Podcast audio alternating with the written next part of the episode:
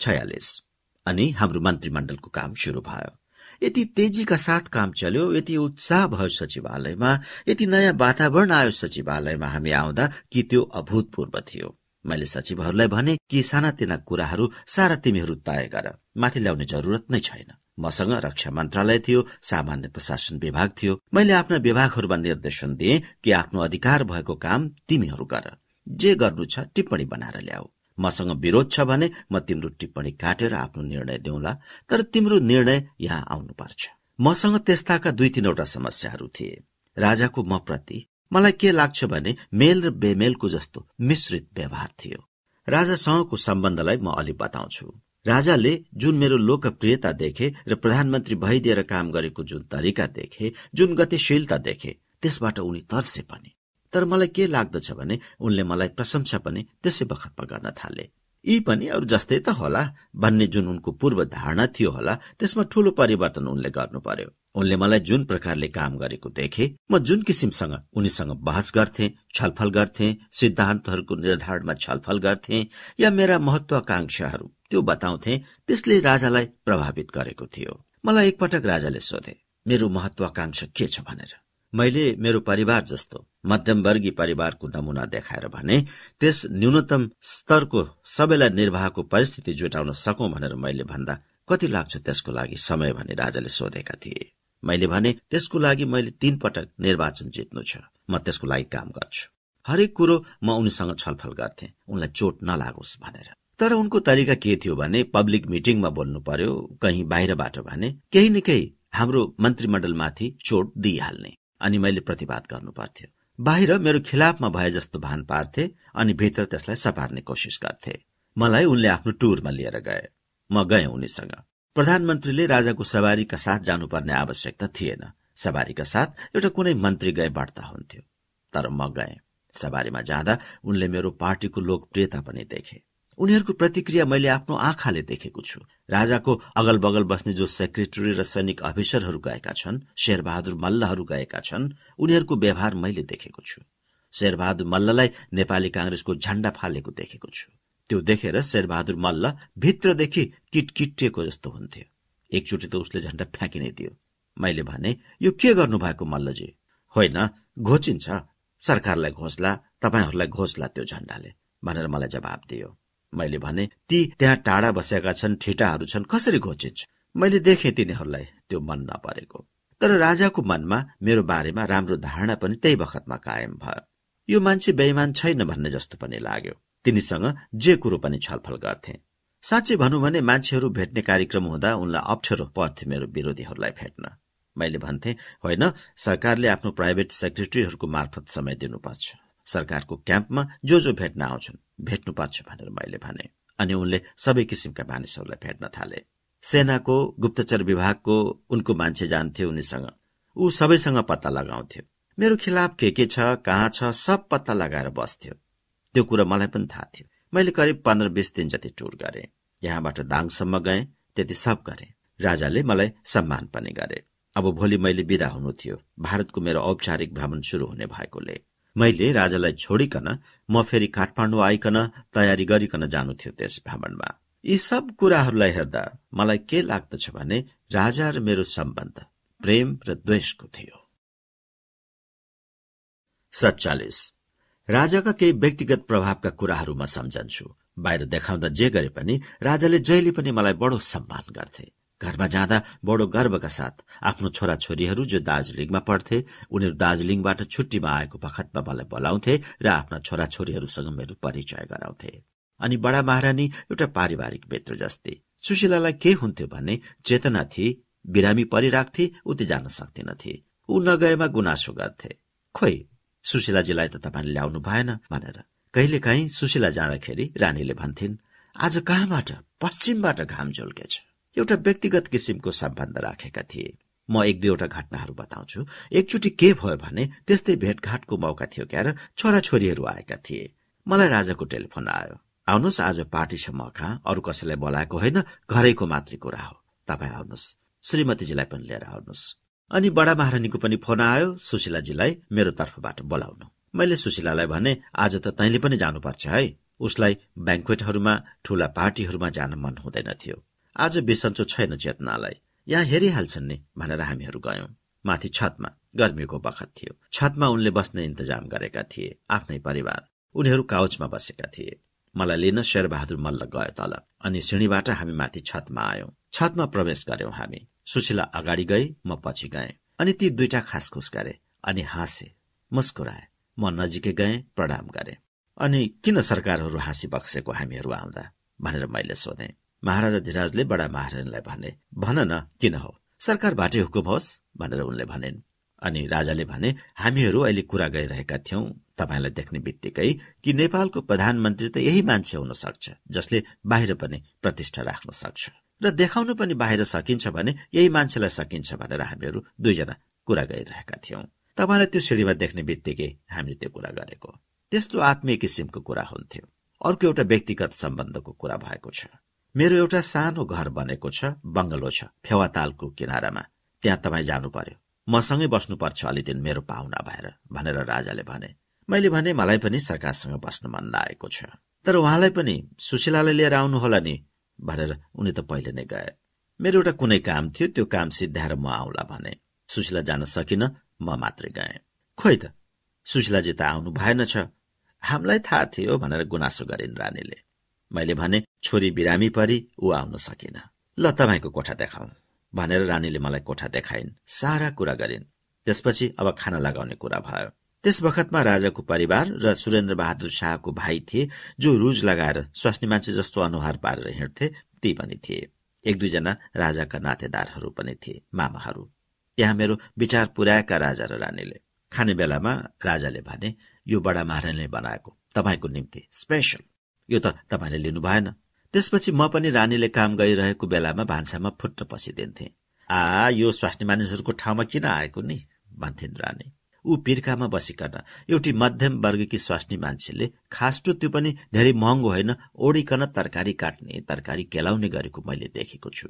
मैले रानी रत्नलाई त्यस्तो काम गरेको देखेको छु। म बडो अत्यन्त प्रभावित भएको छु। तिनी कुनै ठस्सावाल होइनन्। अनि तपाईँलाई कस्तो कुरो मिठो लाग्छ तपाईँ भन्नुहुन्न? भनेर भन्थिन्। मैले भने सरकारबाट जे बक्सिन्छ त्यो सबै मिठो लाग्छ नि। त्यसरी मलाई उनीहरूले सम्मान दिए। सम्मान मात्र होइन स्नेह पनि दिए। त्यो एक किसिमको आदर पनि र माया पनि दिए। जे होस् अन्तिम दिनको घटना पनि मैले अनेक ठाउँमा भनिसकेको छु। थुन्नुभन्दा अघि उनले मलाई पार्टी दिएर भनेका कुराहरू अनौठा छन्। यसै सन्दर्भमा मलाई के लाग्दछ भने केही मानिसहरूले उनलाई तर्साउने काम पनि गरे। उनलाई के लाग्दथ्यो भने बाहिर विदेशतिर जाँदा मैले के के गरेको छु? मेरो इजरायल भ्रमणमा। इजरायलीहरूले केही उजी गन उपहारको रूपमा दिएका थिए जो मैले राजालाई पनि भनेको थिएँ। त्यो सामान जहाजबाट आउँदा ढिला भयो तर त्यसले राजाको मनमा खुल्दुली पाइरहेको रहेछ। उनले हराए बमोजिम मोहन विक्रमले धाई धाइकन त्यो उपहार लिएर गए। विश्वबन्धुको उनलाई सबभन्दा ठूलो मदत र योगदान के थियो भने हामीबाट हतियार उठ्ने कुनै सम्भावना छैन भन्ने। यही थियो। मलाई लाग्दछ उनीहरूको योगदान। अरू त के योगदान गरे तिनीहरूले र? राजाले कुनै कारवाही गर्छन् भन्ने जब हल्ला चल्न थाल्यो उनले केही अभिव्यक्त पनि गर्थे बाहिर भ्रमणमा गएको बखतमा। फेरि मलाई त्यसको स्पष्टीकरण पनि दिन्थे। हाम्रो समक्ष प्रश्न थियो अब के गर्ने? यता हामीहरूको संसद। यति राम्रो काम चल्यो कि मलाई लाग्दछ सुरु सुरुको जवाहरलालजीको संसद भन्दा हाम्रो संसद कुनै हालतमा कम थिएन। त्यसमा सभामुख कृष्ण प्रसाद भट्टराईको भूमिका पनि उत्कृष्ट थियो। विरोधी दलका व्यक्तिहरू पनि पक्का सांसद थिए। विरोधी पक्ष भनेको मुख्य गोर्खा परिषद थियो। उनीहरू अठार जना थिए। अठार जनालाई विभिन्न विषयहरूमा विशिष्टता हासिल गर्नु भनेको थियो। जस्तो शिक्षा सम्बन्धी कुनै विधेयक आएको छ भने एक दुईजना पहिलेका प्रोफेसर शिक्षकहरूलाई नै विशेष दखल लिइकन काम गर्नु भनेको थियो। उनीहरू सबै पूरा तयारीका साथ आउँथे। संसदमा बहस राम्रै किसिमसँग हुन्थ्यो। विश्वबन्धुलाई मुख्य सचेतक बनायो मुख्य सचेतकको काम सरकारलाई मदत पुर्याउने संसदका सदस्यहरू र पार्टीका मानिसहरूसँग कुरा गर्ने हो। मुख्य सचेतकले जो काम बिगार्न सक्छ त्यो उसले बिगार्यो। ठिक उसले आफूले गर्नुपर्ने कामको उल्टो गर्थ्यो। उसको के भनाइ थियो भने उसलाई मन्त्री बनाऊ। त्यसमा म अडेर बसे। अडचालिस। अनि यो त संसदको कुरा अनि आउँछ विकासको कुरा। मलाई लाग्दछ विकासको धारणा नै पहिलो पटक त्यस संसदले गर्यो। हामीलाई पनि के लाग्यो भने पाँच पाँच वर्षमा हामीले चुनाव जित्नुपर्छ। त्यसो हुनाले हामीले आर्थिक योजनालाई कुन प्रकारले फैलाउने कोसिस गर्यौं भने हरेक ठाउँमा केही न केही निर्माणको काम होस्।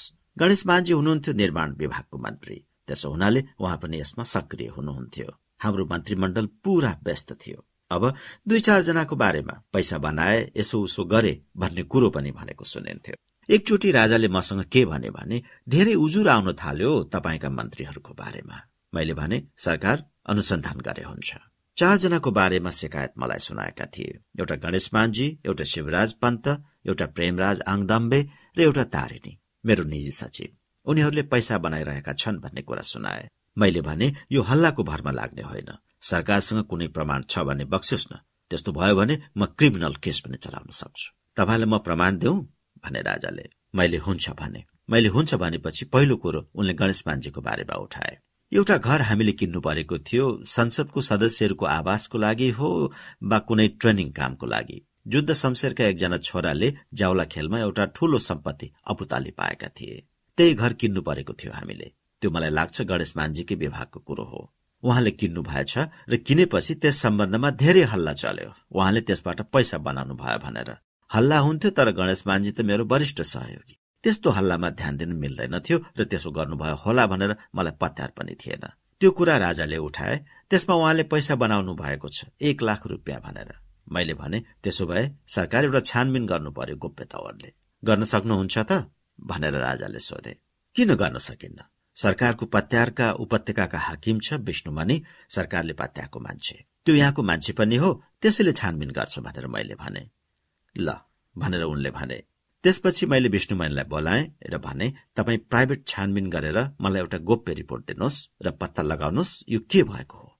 त्यो घर किन्दा अलिकति रुपियाँ गोलमाल गरेको हो कि होइन? उनले हुन्छ भने। त्यसको पाँच छ दिनपछि उनले भने अह सफा काम भएको छ। रुपियाँको कुनै गोलमाल भएको छैन। मैले उनलाई भने राजालाई पनि भन्नुहोस्। उनले भने मैले राजालाई पनि बिन्ती गरे। अनि त्यसपछि मैले राजालाई भने यस्तो प्रतिवेदन आयो। त्यो कुरा त झुठो भयो। अर्को कुरा के भने भने जंगलमा पैसा खान थालेको छ शिवराज पन्तले र पैसा दिने मान्छेले आएर मलाई भनेको छ।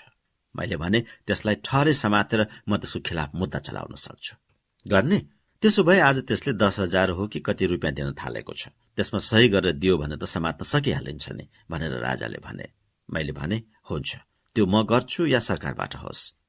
भोलिपल्ट मलाई के खबर पठाउँछ भने किन गर्ने त्यस्तो काम भनेर मैले बन्द गरेँ। मैले तारणीको बारेमा पनि भने उनलाई एउटा प्रमाण नभइकन म केही कारवाही गर्दैन।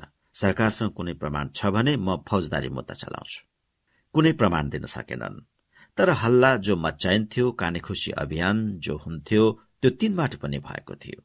अनि विरोधी दलहरूले त गरे गरे। यी सब काम अघि ऋषिकेशहरू खुब गर्थे। पछि म प्रधानमन्त्री भएको बेलामा उनी यहाँ थिएनन्।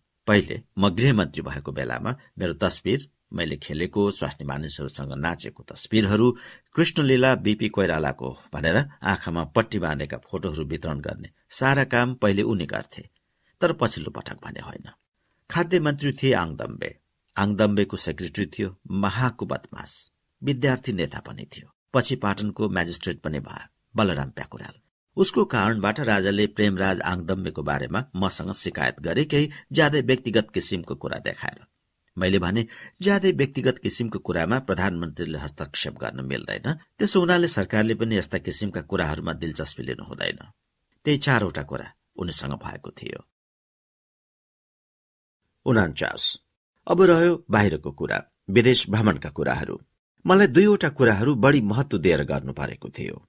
विदेशी शक्तिहरूबाट जति सक्दो बढ़ी सहायता र जति सक्दो बढ़ी अन्तर्राष्ट्रिय मैत्री भावना हासिल गर्नु मेरो मुख्य लक्ष्य थियो।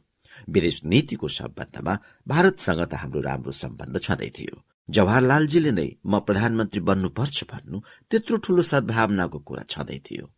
चीनसँग पनि मेरो राम्रो थियो। चिनियाहरू मसँग राम्रो गर्न भनेर बडो कोसिस गरिरहेका थिए। त्यसो हुनाले मलाई लाग्दछ दुई हजार सत्र सालको काण्डमा चिनियाहरूको हात छैन भनेर।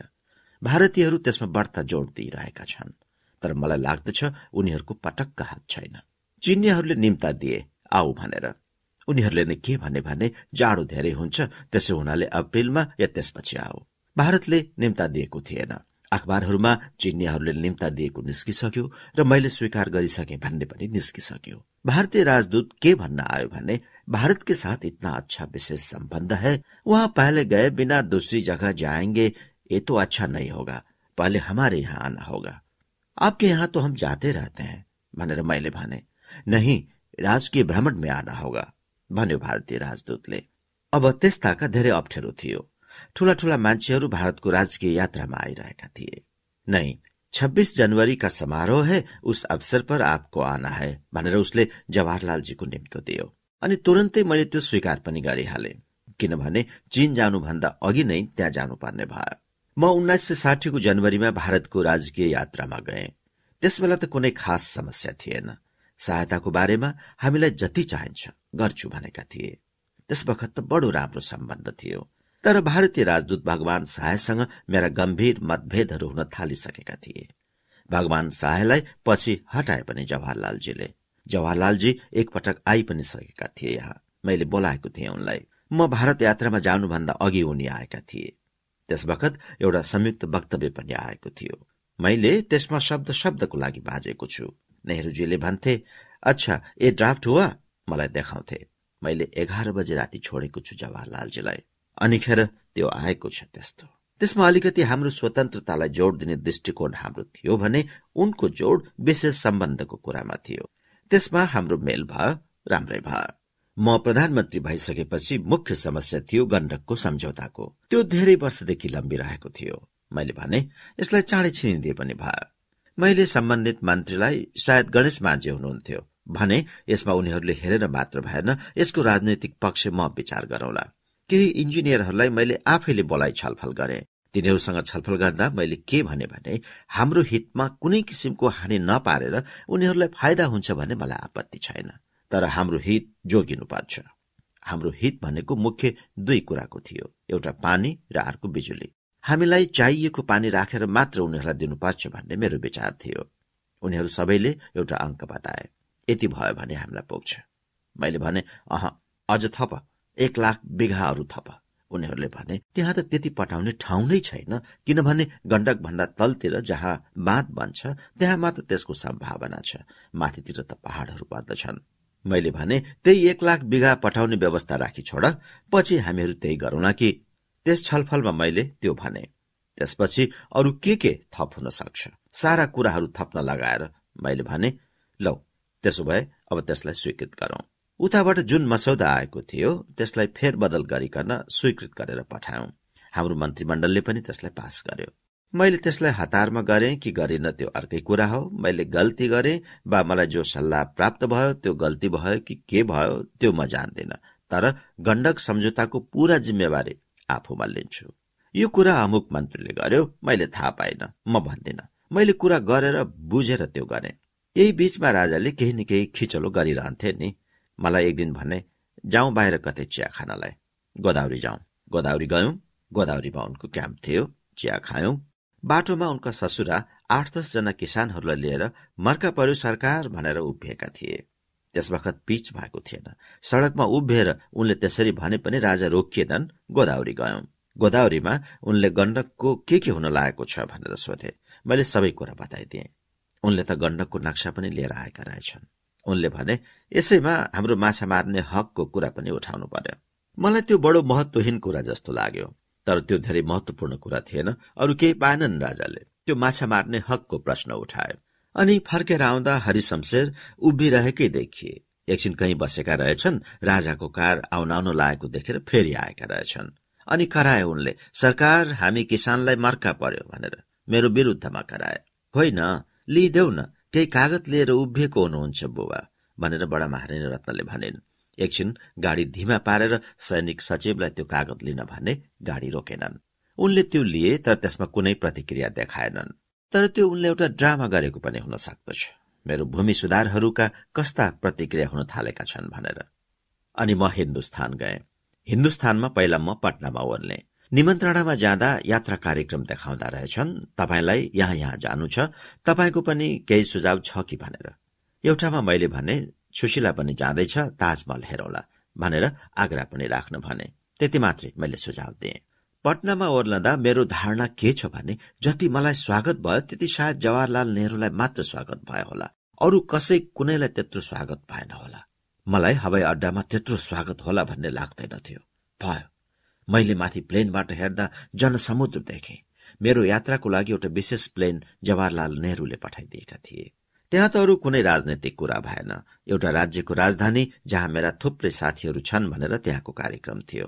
त्यहाँ सुशीलाहरूले के भने भने हामीहरू केही दिन पटना बस्छौ। मेरो दुई तीन ठाउँ जाने कार्यक्रम थियो बिहारमा। एउटा गण्डकको शिलान्यास गर्न जानु पर्यो। त्यहाँ एउटा कार्यक्रम थियो। प्लेनबाट भैँसा लोटन भन्थे। त्यहाँ गए। त्यहाँ पनि विशाल सभा भयो। त्यसपछि मलाई बेङ्गलोर लगे। बेङ्गलोरमा पनि मेरो विशाल स्वागत भयो। बडो शानदार स्तरमा मलाई त्यहाँको गभर्नरले स्वागत दियो। मैले लोकप्रिय समर्थन पनि निकै पाए जस्तो लाग्यो जनताको भीड़ देखेर। त्यहाँ ठूल्ठूला नेपाली पैसावालहरू प्रधानमन्त्री मोहन शमशेर रक्षा मन्त्री बब्बर शमशेर उनका भाइ कृष्ण शमशेर सब त्यहाँ थिए। त्यो पनि एउटा व्यक्तिगत स्तरको कुरा थियो। बबर शमशेर त मलाई स्वागत गर्न आएका थिए हवाई अड्डामा। कृष्ण शमशेर पनि आएका थिए। त्यसभन्दा अघि म उनलाई चिन्दिनथे त्यहाँपछि मलाई लिएर गए पुना। त्यहाँ पुनामा बस्थ्यो सिंह शमशेर। ऊ पनि आफ्नै दुलै लिएर आएको थियो। सिंह शमशेरले भन्यो हामीहरू कहाँ बसे पनि भइहाल्छ नै। सिंह शमशेरले राजाको दिदी वा बहिनी बिहा गरेको थियो र कृष्ण शमशेरले पनि राजाको दिदी वा बहिनी बिहा गरेको थियो। आएर उनीहरूले पनि बडो सम्मानपूर्वक भेटे। त्यहाँ मेरो स्वागत भयो। मेरा सोसलिस्ट साथीहरू त्यहाँ धेरै थिए। उनीहरूले पनि मेरो स्वागत गरे। अनि त्यहाँबाट म दिल्ली आए। दिल्लीमा पनि मलाई शानदार स्तरमा सरकारी स्तरमा जो स्वागत गर्दछन् त्यो गरे। मलाई त्यही ठाउँमा लगे जहाँ राजा त्रिभुवनलाई राखेका थिए हैदराबाद निजाम हाउसमा। राष्ट्रपति भवनमा भएन किनभने त्यस बखत रूसको राष्ट्रपति भरोसेलोभहरू आएका थिए तिनीहरू त्यसमा बसेका थिए तर त्यो पनि एउटा दरबार थियो निजामको। त्यहाँका एक दुईवटा घटनाहरू म भन्न चाहन्छु। एउटा इन्दिरा गान्धीसँग सम्बन्धित छ। इन्दिरा गान्धी त त्यसबेला त्यस्तो कुनै नामी थिएनन् जवाहरलालजीकी छोरी भन्ने जानकारी थियो। तिनी आइरहन्थिन् र सुशीलासँग भन्थिन् कतै घुम्न जाने इच्छा छ कि? भनेर सोधपुछ गरिरहन्थिन्। त्यस प्रकार इन्दिरा गान्धीले उसलाई मार्केटिङको लागि लिएर जाने चेतना सानी थिए उसलाई भोकिदिने जस्तो एउटा अतिथिलाई मान गर्नुपर्छ त्यस्तो किसिमसँग उनी सुशीलासँग व्यवहार गर्थिन्। अनि मेरो त काम परिरहन्थ्यो कहिले कतै कहिले कतै। त्यहाँ व्यापार र वाणिज्य सम्बन्धी केही कुराहरू भएका थिए। हामीहरूलाई के लाग्दथ्यो भने हामीहरूले आर्थिक विकास गर्यौं उद्योगहरू खड़ा गर्यौं भने एउटा ठूलो बजार उपलब्ध हुनेछ भारतमा। हामीहरू कहाँ अलि सस्तो श्रम पाइने हुनाले हाम्रा जो औद्योगिक उत्पादनहरू होलान् ती अपेक्षाकृत सस्तो हुनेछन्।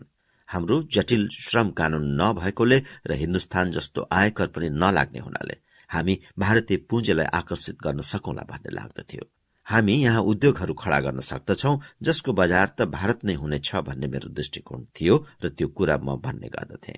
म के भन्ने गर्दथे भने हामीहरूका उत्पादनहरूको निर्वाध प्रवेश हुन पाओस् भारतीय बजारमा। तर भारतीय उत्पादनहरूको भने हाम्रो कहाँ हामी नियन्त्रण गर्नेछौ। हामीहरू त्यसमाथि करहरू लगाउनेछौ त्यसलाई छेकबार गर्छौं। त्योभन्दा हामीले असमान सम्बन्ध राख्न खोजेको हुन्थ्यो जो हाम्रो आर्थिक विकासको लागि आवश्यक थियो। त्यही सब छलफलको कुरा थियो। अर्को कुरा मेरा बारेमा उनीहरूलाई के लागेको थियो भने म अलिकति चीनतर्फ झुकाउ राख्न थाले। त्यहाँका अखबारहरूमा मेरो बडो आलोचना हुने गर्थ्यो। त्यस सम्बन्धमा पनि मैले स्पष्ट गर्नु परेको थियो। तर त्यो कुरा मैले त्यहाँका सरकारलाई भन्दा जनताको स्तरमा स्पष्ट गर्नु पर्थ्यो। त्यो मैले कसरी गरेँ भने एउटा नागरिक अभिनन्दन भयो लाल किल्लामा। त्यहाँ एउटा समारोह थियो। जवाहरलालजीले मलाई लिएर गएका थिए। त्यहाँ भाषण भयो जो रेकर्डमा नै होला। त्यहाँ मैले भनेका कुराहरूको सारांश म सम्झन्छु। मेरो समस्याहरूको बारेमा म अलि मित्रतापूर्ण बोल्छु तपाईँहरूसँग। मलाई लाग्दछ भारत र नेपालमा कुनै पनि राष्ट्रिय हित कहीँ पनि कुनै पनि ठाउँमा जुझ्दैन। अरू देशहरूको दृष्टिकोणको प्रतिनिधित्व भारतले गर्दछ र आफ्नो देशभक्तिको दृष्टिकोण राख्दैन भन्ने कुरा अलग हो। देशभक्त नेपालीमा र देशभक्त भारतीयमा कहीँ पनि फाटो छैन कहीँ पनि द्वन्द छैन। तर तपाईँहरूमध्ये कति हुनुहुन्छ देशभक्त? तपाईँ आफ्नो हृदयमा हात राखेर भन्नुहोस् त्यो भनेको छु मैले त्यहाँ र एउटा विशाल उपस्थिति भएको सभामा। त्यो सभा खुला रूपमा नेपाल भारत मैत्री संघको तत्वावधानमा भएको थियो। त्यहाँ पन्नेकरले बोलेका छन् जवाहरलालजीले बोलेका छन् र मैले कठोर प्रहार गरेको छु मलाई निन्दा गर्नेहरूमाथि। त्यो अलिखित भाषण थियो। मैले चीनसँग राम्रो सम्बन्ध राखेकोमा आलोचना गर्नेहरू थिए। तिनताका मेरो आजको जस्तो आलोचना हुँदैन थियो। मैले रुसको कुरा गरेन। तर मैले भनेको थिएँ तपाईँहरूमध्ये देशभक्ति नभएका मानिसहरूसँग नै मेरा समस्या छ। त्यहाँबाट मैले बोलेर ओर्लेपछि मलाई घेरेका छन् मान्छेहरूले। मलाई नै सन्तोष भयो मैले बोलेकोमा। एउटा उल्लेखनीय कुरा त्यो भयो। अर्को कुरा के भयो भने जवाहरलालजीले एउटा रात्रि भोज दिएका थिए राष्ट्रपति भवनमा। हामीहरू कहाँ ड्रिङ्क गर्ने समय बडो लामो पार्दछन्। खाने समय सानो। जस्तो एक घण्टा ड्रिङ्क गरे र एक घण्टा खाए। जवाहरलालजीको त्यो तरिका रहेनछ। उनको तरिका कस्तो रहेछ भने पन्ध्र बीस मिनट ड्रिङ्क लिने समय राख्ने र त्यसमा पनि जवाहरलालजी त शराब लिँदैनथे। मसँग ब्रिटिस राजदूत कुरा गर्दै थियो। अरूहरू कुरा गर्न खोज्दै थिए तर जवाहरलालजीले आएर भने अब खाने चला जाए। हमने खाने को दावत दिया है पीने के लिए तो नहीं त्यो कुरा मलाई राम्रो जस्तो लाग्यो। त्यसपछि मैले पनि रात्रि भोज दिएँ। मैले त्यो भोज अशोका होटेलमा दिएको थिएँ। त्यसबेला त्यही ठूलो होटेल थियो दिल्लीमा। त्यहाँ पनि धेरै मान्छे आएका थिए। म अलि पहिले जवाहरलालजी पुग्नुभन्दा दस मिनट अघि पुगे। मानिसहरू ठसा ठसा आएका थिए। मान्छेहरूले आएर मलाई घेरे कुरा गर्न थाले अनि जवाहरलालजी आए। हाम्रो राजदूतले आएर भन्यो जवाहरलालजी आउनुभयो स्वागत गर्न लिफ्टमा जानु पर्यो भन्यो। म गएँ लिफ्टबाटै स्वागत गरेर लिएर आएँ। उनले सफ्ट ड्रिङ्क लिए इन्दिरा गान्धी आइन् अनि जवाहरलालजीनेर पनि भिड लाग्यो मनेर पनि भिड लाग्यो। अब जवाहरलालजी भन्ने म कुन भिड बाहिर आए? तारकेश्वरी सिन्हा मलाई घेरेर कुरा गरिरहेकी थिए। जवाहरलालजी मलाई खोज्दै आएर भन्छन् अच्छा हम तो ढूंढ रहे थे कि कोइराला साहब कहाँ पर हैं? तो एक खूबसूरत लड़की के साथ बात कर रहे हैं। अनि खान जाउँ भने। सबैले आफ्नो ड्रिङ्क राखेर खान गयौं। त्यसपछि राष्ट्रपतिले एउटा स्वागत समारोह गरे। त्यो पनि छब्बीस जनवरीको दिनमा नै हो क्यारे। छब्बीस जनवरीको दिन राष्ट्रपतिले खुला मञ्चबाट अभिवादन लिन्छन् त्यहाँ। त्यस समारोहमा हामीलाई अघिल्लो पंक्तिमा राखेका थिए। जवाहरलालजीको एउटा बगलमा सुशीला र अर्को बगलमा माउन्ट बेटनकी दुलै थिइन्। जवाहरलालजीसँग राम्रो थियो भन्छन् नि लेडी माउन्ट बेटनको। उनी पनि थिइन्। मेरो माथि त्यस भ्रमणको राम्रो प्रभाव पर्यो। इन्दिरा गान्धीको जवाहरलालजीको एउटा राम्रो व्यक्तिगत किसिमको व्यवहार थियो। मेरो भ्रमणबाट म पूर्ण सन्तुष्ट भए। मैले सरकारलाई भन्नुपर्ने कुराहरू पनि भने जनतालाई भन्नुपर्ने कुराहरू पनि भने। यत्रो ठूलो स्वागत त कसैले पाएको थिएन होला नेपालबाट गएकोमा। म त निर्वाचित थिएँ त्यसबाट पनि त्यो हुने नै भयो। र एउटा परिचित व्यक्तित्व थियो मेरो त्यसले पनि त्यो भयो। मैले त्यस भ्रमणमा जवाहरलालजीको त्यो मित्रतापूर्ण व्यवहार पनि देखेँ। यी सबै मेरो भ्रमणका सफलताहरू थिए। त्यहाँ मेरो विरूद्धमा पत्र पत्रिकाहरूले जो लेख्ने गर्दथे त्यसलाई पनि जवाब दिने मैले मौका पाएँ। जनता जनताको बीचमा सम्पर्क पनि भयो। पचास। अनि त्यसपछि अप्रेलमा चीन गए। चीन जाने कार्यक्रम निश्चित भएपछि मलाई नेविनले खबर पठायो। त्यहाँ हाम्रो राजदूत थियो याकथुम्बा। याकथुम्बाले मलाई हमेसा खबर के पठाइरहन्थ्यो भने तपाईँ बर्माको भ्रमण गर्नुहोस्। मैले के भनेको थिएँ भने बर्माको मात्र गर्दिन चीन जाने भएपछि त्यहाँको भ्रमण गरौँला। चीन जाने भएपछि फेरि मलाई नेबिनले के खबर पठायो भने तपाईँ आउनुहोस् र चीन जाँदा बर्मा भएर जानुहोस्। बर्मासँग त मेरो त्यति सम्पर्क थिएन तैपनि जाँदा सोसलिस्ट साथीहरू थिए भेटौँला भन्ने लाग्यो। नेबिनले सैनिक शक्तिबाट सत्ता परिवर्तन गरेको थियो। मलाई त्यहाँ बोलाउँदा नागरिक शासन थिएन। ऊ प्रधान सेनापति थियो र सत्ता लिएर बसेको थियो। एक प्रकारको गैर संवैधानिक परिस्थितिमा त्यो चल्दै थियो। मलाई त्यसले हवाई अड्डामा भव्य स्वागत गर्यो। मैले उसलाई भने नेबिन यत्रो ठूलो स्तरमा स्वागत गर्यौ नि। अनि नेबिन के भन्छ भने हामीहरू साना मुलुकहरू हामी एकले अर्कोलाई सम्मान गर्न जानेनौ भने ठूला शक्तिहरूले हाम्रो सम्मान गर्छन्। यो त हाम्रो साझा स्वार्थको कुरा हो। तिमीले हामीलाई र हामीले तिमीलाई सम्मान गर्नुपर्छ। त्यो तर अलि उग्र फोहोर बोल्थ्यो। फौजी भाषा बोल्थ्यो। त्यसपछि मलाई कहाँ बसाउने? त्यो पनि नेविनले भन्यो। त्यहाँको जो राष्ट्राध्यक्ष थियो त्यो भन्दो रहेछ यो त प्रधानमन्त्री दर्जाको अतिथि हो। प्रधानमन्त्री राष्ट्राध्यक्षको अतिथि हुन सक्दैन। त्यो भन्दछ यो प्रधानमन्त्री आएको हो। मैले भने ऊ सरकारको अतिथि हो तिमीले राख्नै पर्छ। तिमी उसँगै बस्छौ। मसँग होइन भनेर उसले मलाई भन्यो। मैले भने म जहाँ बसे पनि तिमीसँगै बस्छु। उसले भन्यो होइन तिमी राष्ट्रपतिका साथ बस्छौ। म त्यही बसेँ। म पुगेपछि त्यो राष्ट्रपति पनि आयो। उनीहरू एकदम परम्परागत भव्यतामा बस्दथे एकदम शानका साथ। घोडा टेकेर सेवा सत्कार गर्ने परिचारिकाहरू भएको त्यो भव्य महल थियो। त्यहाँ त मेरो कुनै काम थिएन अरू। उनीहरूसँग कुनै खास कुरो पनि थिएन। त्यहाँ भर्खरै चुनाव भएको थियो त्यही नेमिनले गराएको थियो। चुनावमा सोसलिस्टहरू हारेका थिए उनु जितेको थियो। तर उनुले सत्ता सम्हालिसकेको थिएन अब भोलि पर्सिमा त्यो गर्छ भनेका थिए। मैले नेबिनलाई भने म मेरा पुराना सोसलिस्ट मित्रहरूलाई भेट्न चाहन्छु। होइन उनीहरू त पार्टीमा आइहाल्छन्। राष्ट्रपतिले दिएको पार्टीमा मैले उनीहरू सबैलाई बोलाएको छु त्यहाँ भेट भइहाल्छ भन्यो। मैले भने भेट्नलाई बासोए कहाँ जान्छु? टेलिफोन गरिदेऊ। बासोएले हुन्छ भन्यो। उसले चाउमिनहरूलाई पनि बोलाएको थियो। मैले भने म उनुको कार्यालयमा पनि जान्छु। उनीहरू एकदम छक्क परे। उनुसँग त मेरो सोस्टिस जमात भन्दा फरकको सम्बन्ध थियो। मैले उनीहरू सबैसँग यस प्रकारले मैत्रीपूर्ण भेटघाट गरे। कुराहरूको आदान प्रदान भयो।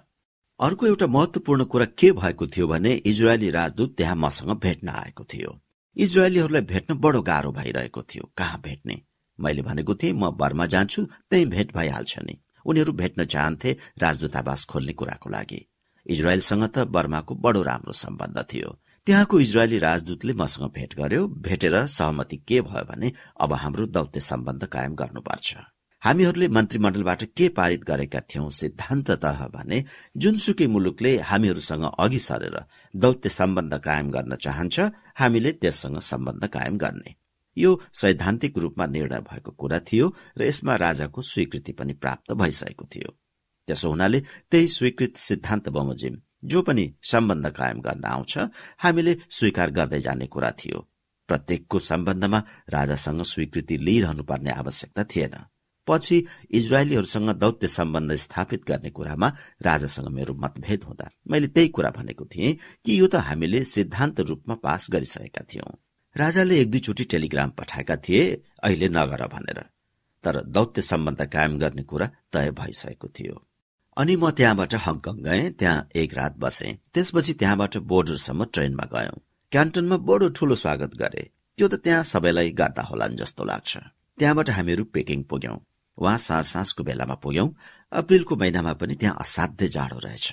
त्यहाँ त्यो सेल्युट मार्च पास्ट र गार्ड अफ अनर भयो। गार्ड अफ अनरको तरिका त्यहाँ फरक रहेछ।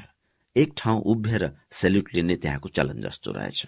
अरू ठाउँमा के हुन्छ भने अरूहरू उभिन्छन् जो पाहुना छ त्यो सेल्युट लिन मार्च गर्छ। म र च्युवनलाई एक ठाउँ उभियौं अनि उनीहरूले मार्च गरे। त्यहाँबाट उनीहरूले मलाई गेस्ट हाउसमा लगेर राखे। त्यही गेस्ट हाउस जसमा जवाहरलालजी पनि बसेका थिए। त्यो गेस्ट हाउस पहिले फ्रेन्च राजदूतावासको रहेछ। त्यो एउटा अत्यन्त सुन्दर गेस्ट हाउस थियो बडो शानदार तरिकाले निर्मित। जवाहरलालजीले कुनै विदेशीसँग कुरा गर्दा यहाँ घरमा के होला के होला? बाहिर गएर कुरा गरौं भनेर बाहिर बगैँचामा कुरा गर्नु भएको भन्ने कुरा मैले सुनेको थिएँ। त्यही घरमा मलाई राखेका थिए। चुवेनलाई जो मेरो साथमा थियो मलाई कस्तो पार्यो भने म जति दिन त्यहाँ बसे उसको अरू केही काम थिएन। केवल मसँग मात्रै मेरो हेरविचार गइरहेको मात्रै जस्तो थियो। चेतनाको निम्ति एउटा विशेष नर्सको व्यवस्था गरेका थिए। त्यहाँ त्यस बखत जाडै थियो। चुवनलाईले भन्यो यहाँ जाडो छ बढी इन्तजाम गर्नुपर्छ। मैले भने मसँग छँदैछ नि ओभरकोट? उसले भन्यो होइन यसले हुँदैन भनेर मलाई उसले एउटा ओभरकोट दियो। अझसम्म मसँग छ चुवेनलाईले दिएको त्यो ओभरकोट। अनि त्यसपछि कुराकानी भयो। कुराकानी धेरै महत्वपूर्ण थिएन। त्यस बखतमा राष्ट्रपति थियो लु साउची लु साउचीको त्यहाँ अवनति शुरू भइसकेको थियो। त्यसको अनुहार पनि मलिन थियो। हुन त राष्ट्रपतिसँग मेरो उस्तो वास्ता पनि हुँदैन थियो। त्योसँग खालि एक दुईचोटि भेट भयो एकपल्ट विशेष रूपले परिचय भइकन भेट भयो मैले मित्रताको सन्धि गर्दा त्यो पनि समारोहमा आएको थियो। त्यो तस्विर अझसम्म मसँग छ। त्यहाँ मैले चुएनलाईसँग एक दिन झण्डै दिनभरि कुरा गरेको छु। उसले मलाई ब्रेकफास्टको लागि बोलाएको थियो। ब्रेकफास्ट लन्च र बेलुकाको चिया समेत खाएर म आएको थिएँ। म र ऊ मात्रै थियौं उसको दोभाषे र एकजना लेख्ने मानिस मात्र बाहिर थिए। मैले त्यहाँ दुई तीनवटा कुराहरू विचार गरेँ। मैले के देखेँ भने उनीहरू जुन ठस्सासँग बसेका थिए कुनै पनि पुँजीवादी देशको शासक त्यति ठस्सासँग बसेको हुँदैन। भारतमा जवाहरलालजी पनि ठस्सासँग बसेका थिए तर त्यस ठस्सासँग होइन। एउटा शाही दरबारमा यिनी बस्थे। त्यहाँका दरबारहरू ठूल्ठूला हुँदो रहेनछन्। एक तले सरोवरको अगाडि संगमरमरका भर्याङहरू भएको पूरा कार्पेट बिछाइएको बडो आराममा बस्दा रहेछन्। चेन यी थियो विदेश मन्त्री। त्यो पनि बसेको थियो ठस्सासँग। त्यसकी दुलैले त हिराको आभूषण पनि लगाउँथे जस्तो लाग्यो मलाई। मैले त्यो विचार गरेको थिएँ। यिनीहरूले मलाई एकचोटि लिएर गए त्यहाँको सबभन्दा ठूलो बाँध बनाएको हेर्न पेकिङ लिएर। एउटा स्पेसल ट्रेनबाट अलि टाढासम्म गयौं र त्यसपछि कारबाट गयौं। पहाड़ी इलाका रहेछ त्यो। त्यहाँ जाँदाखेरि मैले टाढाबाट देखे मानिसहरूलाई कमिला जस्तो काम गरिरहेको। हजारौं लाखौं मान्छेहरू त्यस बाँधमा काम गरिरहेका रहेछन्। म त त्यसबाट प्रभावित पनि भए। तिनीहरूले भने हाम्रो नजिकैको बाँध तपाईँलाई देखाउन ल्याएको हो। कसरी आफ्नै प्रयत्नबाट कुनै ठूलो मेसिन प्रयोग नगरिकन हामीहरूले बाँध बनाइरहेका छौं त्यो देखाउन ल्याएका हौ? बीस लाख मानिसहरू काम गरिरहेका थिए त्यहाँ त्यो एउटै बाँधमा। र खर्पनबाट माटो ल्याएर बाँधमा हाल्दै थिए। क्रान्तिकारी गीत र संगीतहरू चलिरहेका थिए उनीहरूलाई प्रेरित गर्न। यी बीस लाख मानिसहरूलाई बसाउनको लागि बस्तीहरू बसाइएका थिए। त्यो कत्रो होला। निलो लुगा लगाएका हुन्थे सबैले टाढाबाट हेर्दा कमिलाले काम गरिरहेको जस्तो लाग्थ्यो। मलाई त्यहाँ दुई तीनवटा कुराहरूले प्रभावित गरेका छन्। त्यत्रा त्यत्रा ठूल्ठूला बाँधहरू उनीहरूले बिना बुलडोजर बिना मेसिन बनाएका थिए। त्यो सम्भव भएको थियो। मैले जवाहरलालजीलाई तपाईँहरूका बाँध किन त्यस किसिमसँग बन्न सक्दैन भन्दा? उनले भने त्यो त केवल अधिनायकवादी मुलुकमा मात्र सम्भव हुन्छ कि त्यसरी बीस लाख मजदुरहरूलाई काममा जोतेर राखिदिएको हुन्छ। प्रजातन्त्रमा त त्यो सम्भव छैन। तर म त प्रभावित भएको थिएँ त्यसबाट मैले बोलाउँदा जब जुएनलाई अतिथि भएर आएका थिए मैले उनलाई पोखरा लगेको थिएँ। पोखरामा सिमेन्टको बाँध बन्दै थियो। त्यो हेरेर जुएनलाईले के भन्यो भने तपाईँहरूलाई सिमेन्ट बाहिरबाट मगाउनु पर्छ यत्रो खर्च गरेर प्लेनबाट ल्याउनु पर्छ ढुवानी गर्ने बाटो छैन। यसो गरेर किन बनाउनुहुन्छ? माटोले नै किन बनाउनुहुन्न? त्यसले बढ्ता समात्छ पहाड़मा माटोको बाँध बनाउँदा पहाड़को माटोसँग मिल्ने किसिमको हुँदा त्यसको पकड ज्यादा हुन्छ। सिमेन्टको भयो भने ठूलो बाढी आयो भने टुट्छ। त्यो त प्रमाणित नै भयो। ठूलो बाढी आयो र बाँध टुट्यो। त्यसको कुराले मलाई प्रभावित गर्यो। सिमेन्टको औचित्य कायम रहन सकेन। मैले नै एकचोटि माउत सेतोङसँग पनि भेट्ने इच्छा व्यक्त गरेको थिएँ। त्यो त भेट्ने तर कहिले हुन्छ हेरौं उनलाई खबर गरेपछि हामी भनौला भने। हामीलाई ठाउँ ठाउँ लिँदै गए। एउटा गाउँ छ हेन्चाओ भन्ने। सुन्दर दर्शनीय ठाउँ। पहिलेका बादशाहहरू त्यहाँ गएर आफ्नो गर्मीका दिनहरू बिताउँदा रहेछन्। टापु पनि छ समुद्र पनि छ बगैँचा छ असाध्य राम्रो ठाउँ छ। त्यहाँ सायद पर्यटकहरू पनि जाँदा रहेछन्। त्यस दर्शनीय ठाउँमा हामीले लगेका थिए। पुगेको दिन केही कार्यक्रमहरू थिए। दृश्यावलोकन गराए र मेरका खाने कार्यक्रम पनि राखेका थिए। त्यहाँ खाएर राति एघार बजेतिर थाकेर हामी सुत्न आएका थियौं। त्यसभन्दा अघि बेलुका चार बजेतिर सुशीलाले हाम्रो त्यो ठूलो होटलको अघिल्तिर त्यो समुद्र हो कि ताल हो हेर्न जाउँ न भने त्यहाँको दृश्य साँच्ची नै मोहक थियो। अनि म सुशीला सूर्यबाबु र एक दुईजना अरू पनि कसैलाई नभनेर हामी बसेको ठाउँबाट त्यहाँ गयौं। ठूलो बाटो छ त्यसलाई पार गरेर त्यहाँ पुग्नु पर्थ्यो। हामीहरू त्यहाँ गएर बसिरहेका थियौं। त्यतिमा एउटा ताँती आयो कारहरूको। मैले त उति ध्यान दिइन के आयो को आयो भनेर सूर्यबाबु बडो चलाक। उहाँले भन्नुभयो यसमा त ठूलो मान्छे आएको छ यस होटेलमा। हाम्रै मोटरहरूको ताँती जस्तै ताँती आइरहेको छ। मैले त्यस कुरामा ध्यान दिइन। तर राति एघार बजे जब हामीहरू बस्यौं लुगा फुकालेर सुत्नलाई ढ्याक ढ्याक आवाज आयो ढोकामा। हेर्दा त माउथ सितुङले भेट्न खोजेका छन् भनेर मानिस खबर लिएर आएको। म थाकेको छु अलिकति ड्रिङ्क पनि गरेको छु। अब त भेट्नै पर्यो भनेर मैले लुगा लगाएँ। ओभरकोट लगाउँदा पर्दैन यही होटलको अर्को खण्डमा उनी बसेका छन् भने। त्यसपछि म तयार भएँ। अनि त्यो मानिस के भन्छ भने के श्रीमती कोइरालाले उहाँलाई भेट्न इच्छा गर्नुहुने छैन? मैले भने अवश्य नै। अनि मैले सुशीलालाई उठाएँ। उसले पनि धोती लगाएर एउटा ओढ्ने ओढी अनि गयौं। त्यसको अर्को लङमा उभिएको रहेछ माउत सेतोङ। आएर बडो स्नेहपूर्ण तरिकाबाट भेट्यो। अनि तस्विरवालाहरूलाई बोलायो तस्विर खिच्न भन्यो। सुशीलालाई सोध्यो कस्तो छ? कति रमाइलो मान्यो? भनेर। एउटा सभ्य र शिष्ट व्यवहार जति हुन्थ्यो त्यो गर्यो। त्यसपछि भित्र कोठामा लिएर गयो। बसाउने तरिका सबै कम्युनिस्टहरूको त्यही किसिमको होला जस्तो लाग्दछ। टेबलमा आम्ने सामने राख्छन् त्यसपछि कुरा हुन थाल्यो। उसँग त कुनै कुरा गर्नु त थिएन। चुवनलाईसँग कुरा भइसकेको थियो। मसँग पुरा रिपोर्ट छ तपाईँहरूको कुराकानीको। हामीहरू त नेपालसँग मित्रता चाहन्छौ भनेर उसले भन्यो। मैले पनि आफ्ना यस्तै कुराहरू भने। अ चुवेनलाईलाई मैले भनेको एउटा कुरा भन्न बिर्से। चुवेनलाईसँग मेरो अन्तिम बैठक पेकिङमा भयो। मैले चुवेनलाईलाई के भने भने मलाई तिमीहरूको आर्थिक सहायता चाहिन्छ। मैले देश बनाउन खोजिरहेको छु तिमीहरूको आर्थिक सहायता त्यसो हुनाले हामीलाई बेसी चाहिन्छ। भारतले अठार करोड़को सहायता गरेको थियो। मैले त्यहाँ सायद त्यही उल्लेख गरेको थिएँ। उसले भन्यो त्यसभन्दा अलिकति कम्ती गरौँला मैले भने भारतकै बराबरीमा किन सहायता गर्दैनौ भन्दा उसले भन्यो होइन। त्यो तिम्रो लागि पनि राम्रो नहोला हाम्रो लागि पनि राम्रो नहोला। तिमीलाई राम्रो किन हुँदैन भने हामीले धेरै सहायता दियौं भने भारत तिमीसँग सतर्क हुन्छ। र हामीहरूलाई किन उपयुक्त हुँदैन भने हामी भारतसँग प्रतिस्पर्धा गर्दैछौ भन्ने अन्तर्राष्ट्रिय स्तरमा पर्न जान्छ। हामीहरू तिमीहरूसँग मित्रता गर्न खोजिरहेका छौ त्यसो हुनाले हामीहरू कम्ती दिन्छौ। त्यसमा नराम्रो नमान्नु।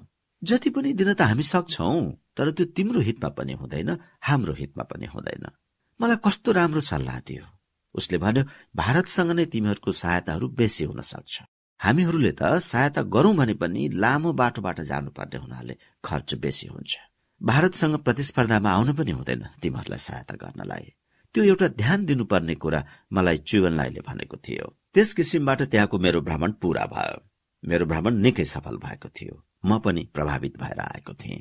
मलाई लाग्यो हामीहरूको बारेमा उनीहरूको धारणा हुँदो हो हामी पूरा भारततर्फ ढल्केका छौं। त्यो पनि बदलियो होला जस्तो लाग्छ। यस प्रकार चीनको भ्रमण समाप्त गरेर म फर्के। एकाउन्न। यसै बीचमा मबाट दुई तीनवटा अरू कुराहरू पनि भएका छन्। एउटा पाकिस्तानसँग दौत्य सम्बन्ध स्थापित गर्ने र अर्को इजरायलसँग। इजरायलसँग दौत्य सम्बन्ध स्थापित गर्ने कुरामा के भयो भने राजा कहीँ भ्रमणमा गएका थिए। हामीले सम्बन्ध कायम गर्ने घोषणा गर्न साथ उनले अखबारमा पढेर टेलिग्राम पठाए। अहिले नगर भनेर। अब हामीले घोषणा गरिसकेका थियौं। कुरा अघि बढ़िसकेको थियो नगर भन्दा त राम्रो भएन। मैले खबर पठाएँ यो अघि नै निर्णय भइसकेकोले अब नगर्न हुँदैन भनेर। त्यसपछि उनले फेरि खबर पठाए त्यो मैले मानिन। अरू देशहरूसँग सम्बन्ध स्थापित गर्ने कुरामा एउटा सिद्धान्त निर्धारित भइसकेको थियो र उनीहरूलाई त्यस कुराको जानकारी पनि दिइसकेपछि त्यसलाई फिर्ता लिनु राम्रो हुँदैन भन्ने मेरो धारणा थियो। अनि राजाले आएर मलाई के स्पष्ट गरे भने त्यो सम्बन्ध नहोस् भनेको होइन। म इजिप्टको भ्रमण गर्न चाहन्थे। त्यो घोषणा भएपछि त इजिप्ट जान गाह्रो भयो। म इजिप्टको कार्यक्रम रद्द गरेर आए। अर्को संवेदनशील कुरा थियो पाकिस्तानसँग दौत्य सम्बन्ध कायम गर्ने। त्यसमा त अरूलाई के भारतलाई नराम्रो पर्ला भनेर मैले जवाहरलालजीलाई बुझे हामीहरू पाकिस्तानसँग सम्बन्ध गर्न थालेका छौं भनेर। उनले भने हो तिमीहरूले त्यो गर्नुपर्छ। किनभने टाढा टाढाकाहरूसँग तिमीहरू सम्बन्ध कायम गर्छौ। अब नजिकैको पाकिस्तानसँग नगर्दा हाम्रै दबावले नगरेको हो भनेर हामीलाई अप्ठ्यारो तिमीहरूलाई पनि राम्रो हुँदैन। त्यो सम्बन्ध गरेकै असल छ। उनले त्यो कुरा मसँगै भनेका छन्। अरूहरूसँग के भने म जान्दिन। तर त्यसलाई भारतमा केही व्यक्तिहरूले मन पराएनन्। मेरो वैदेशिक नीतिको सम्बन्धमा दुई तीनवटा कुरामा ध्यान दिनुपर्छ। एउटा दिल्ली गएको बखतमा मैले जो बोलेको छु र अर्को चीनमा मैले जो मैत्री सन्धि गरे र त्यहाँ जो बोलेको छु ती महत्वपूर्ण छन्। छिमेकी देशहरूको सम्बन्ध कायम राख्ने ती मेरा आधारभूत दृष्टिकोणबाट अभिव्यक्त भएका कुराहरू थिए। मेरो वैदेशिक नीतिको सफलताको एउटा अर्को महत्वपूर्ण कुरा छ चिनिया प्रधानमन्त्री चुएनलाई नेपाल आएको। त्यो मेरो निमन्त्रणामा आएको थियो। कस्तो बेलामा आएको थियो भने भारत र चीनको सम्बन्ध नराम्रो भइसकेको थियो। चिनिया प्रधानमन्त्रीको पनि खुब ठूलो स्वागत भयो। चिनिया प्रधानमन्त्रीको व्यवहारले मानिसहरूलाई धेरै प्रभावित गर्यो। उनले मसँग कहिले पनि भारत विरोधी कुरा गरेनन्। उनीहरूका आफ्ना मतभेदहरू थिए।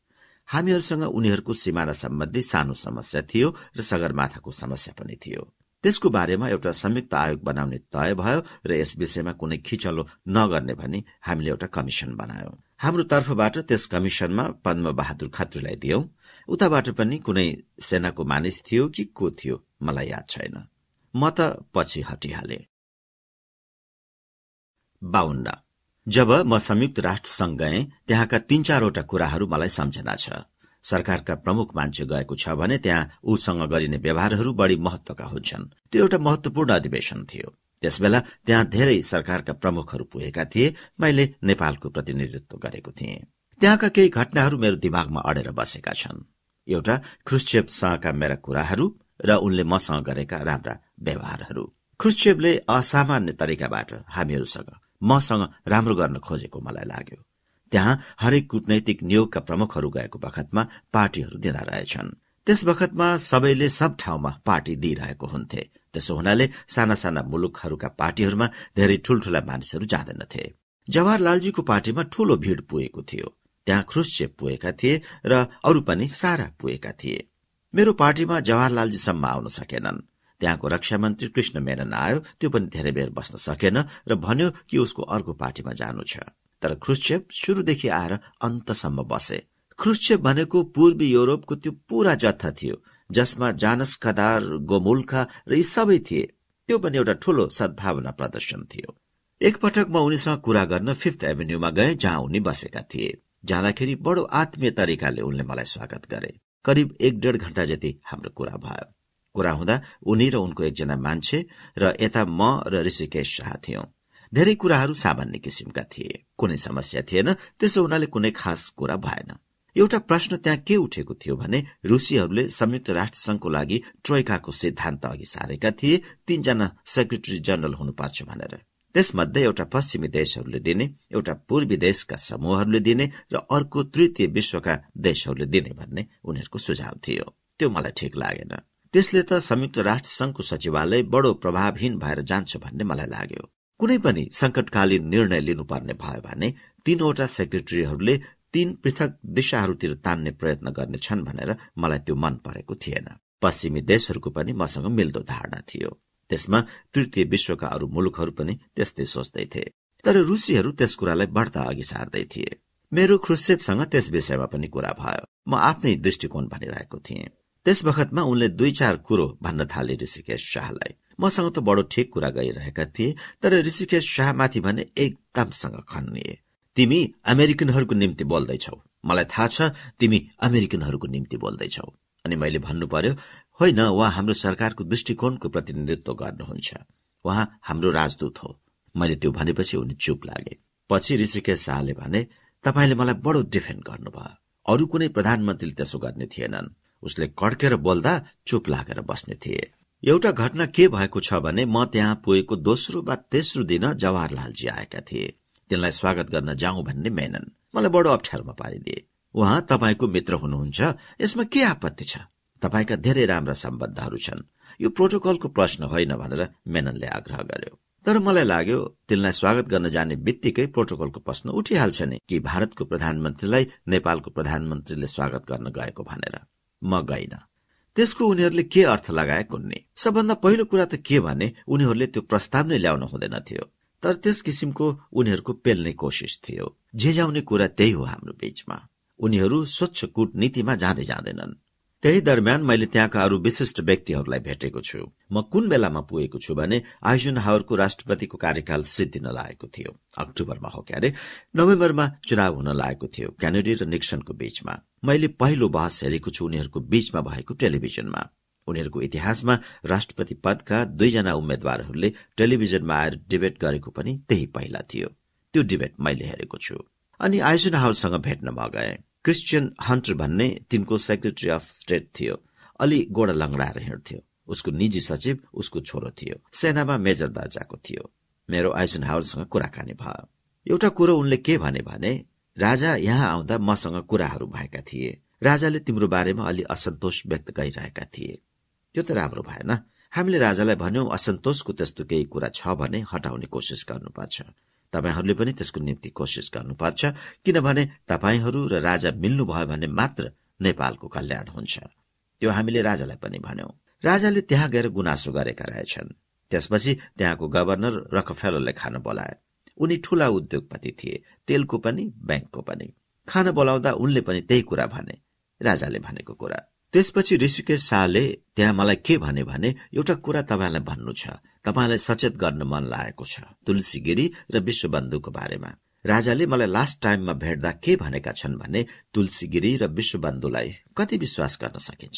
मलाई लाग्छ राजाले त्यो भन्दा पनि बेसी उनलाई केही भनेको हुनुपर्छ। त्यो मलाई भनेनन्। यो टिपिकल ऋषिकेश शाहको कुरा हुन्छ। सबै कुरा भन्दैनन्। केही कुरा भनिदिन्छन् अनि जता अर्थ लगाए पनि हुने। उनले भने राजाले त्यो सोधेकोले मलाई चिसो पसेर तपाईँलाई भनेको। उनीहरू केही साँठगाँठ गर्न लागेका छन् केही गर्न लागेका छन्। मैले संयुक्त राष्ट्र संघ जानुभन्दा अघि तुलसी गिरीलाई क्याबिनेटबाट हटाइदिएको थिएँ। त्यसलाई हटाउँदा पनि राजासँग मेरो विवाद परेको छ। के भयो भने उसले मन्त्री पदबाट राजीनामा लेखेर मलाई पठायो। मैले त्यसलाई स्वीकार गरेर उसलाई झिकिदिएँ अनि राजा कहाँ लगे? राजाले भने मैले पो त त्यसलाई बर्खास्त गर्ने वा हटाउने हो। तपाईँले त होइन। मैले भने यो त राजाकै विशेषाधिकार हो। भइहाल्यो। त्यसमा मैले तपाईँलाई अरू कुरा भनेको होइन तर यो कार्यविधि भएन भनेर राजाले मलाई भनेका थिए तुलसी गिरीलाई झिक्दाखेरि। त्रिपन्न। एउटा मैले बिर्सेछु भन्न म गृहमन्त्री छँदाको कुरा। त्यो त्यस बेलाका युवराज धिराजको बिहाको कुरा थियो। एक दिन श्री पाँच युवराज धिराज महेन्द्र टुप्लुक्क बेलुका आइपुगे।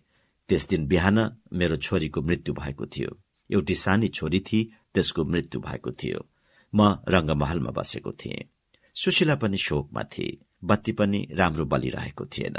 त्यस्तै बेलामा उनी आइपुगे। म त्यस दिन अफिस पनि गएको थिइनँ। तल मेरो अफिसमा उनी आइपुगे बिना कुनै पूर्व सूचना। युवराजा धिराज सवारी भएको छ भनेर तलबाट मान्छे दौड्दै आयो। कहाँ? भन्दा तल भन्यो। म तल पुगे। मलाई त्यस दिनको सम्झना छ। युवराजा धिराजलाई मैले भने सरकार बिना सूचना सवारी?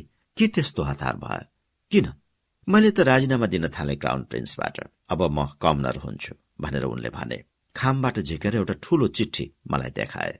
त्यसमा म अब राजीनामा गर्दछु भनेर महाराजा धिराजलाई सम्बोधन गरेको थियो।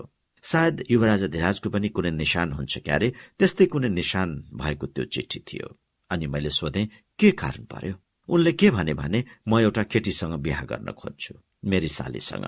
बुवा चाहिँ नि त्यससँग हुँदैन भन्ने हुकुम हुन्छ। मैले भने त्यो त बुवासँग कुरा मिलाए भइहाल्छ। त्यस्तो हट किन गर्नुहोला? त्यति मात्र होइन उहाँले एउटा केटी खोजिदिएको छ। अब त्यहीसँग बिहा गर्नुपर्छ भनेर। एक त मैले आफ्नो मन परेको केटीसँग बिहा गर्न नपाउनु र अर्को उहाँले खोजिदिएकोसँग गर्नु। त्यसो हुनाले आफ्नो मन परेकी केटीसँग बिहा गर्नको लागि म कमनर हुन तयार छु। मैले भने यो त एउटा प्रजातान्त्रिक हक पनि हो र त्यसको अलावा सरकारले त्यो राजीनामा दिने होइन। म पनि महाराजा अधिराजसँग विन्ती गरौँला। चाँडै यसलाई टुङ्गो लगाइदिनु पर्यो। भनेर उनले भने र त्यति भनेर ऊ गए। दुई तीन दिनपछि एउटा पार्टी थियो सिंह शमशेर कहाँ सिंह शमशेर विदेश मन्त्रीको रूपमा मन्त्रीमण्डलमा समावेश भएका थिए। मन्त्रीमण्डलको पुनर्गठनपछि उनी समावेश भएका थिए। तिनले पार्टी दिएका थिए आफ्नो सामेलीको उपलक्ष्यमा। सिंह महलमा त्यो पार्टी थियो। त्यही महाराजा धिराजसँग भेट हुन्छ भनेर म गए। मैले महाराजा धिराजलाई विन्ती गरे। एउटा बडो महत्वपूर्ण कुरा थियो। अस्ति युवराजा धिराज सवारी भएको थियो। के हो? भन त भनेर उनले भन्दा म एक्लै कुरा गर्छु भनेर मैले भने। बाहिर बल्कनी निस्केको थियो। कौशीमा निक्लेर कुरा गर्यौं दुईटा छोराहरू पनि आए हिमालय र वसुन्धरा पनि। मैले यस्तो यस्तो कुरा भयो भने त्यो भनेपछि त राजा के भन्छन् भने के भो त? भनिदिएको भए भइहाल्थ्यो नि। म राजीनामा स्वीकार गर्छु भनेर। मैले भने त्यो त राम्रो कुरा भएन। बिहा गर्न नदिने त राम्रो भएन।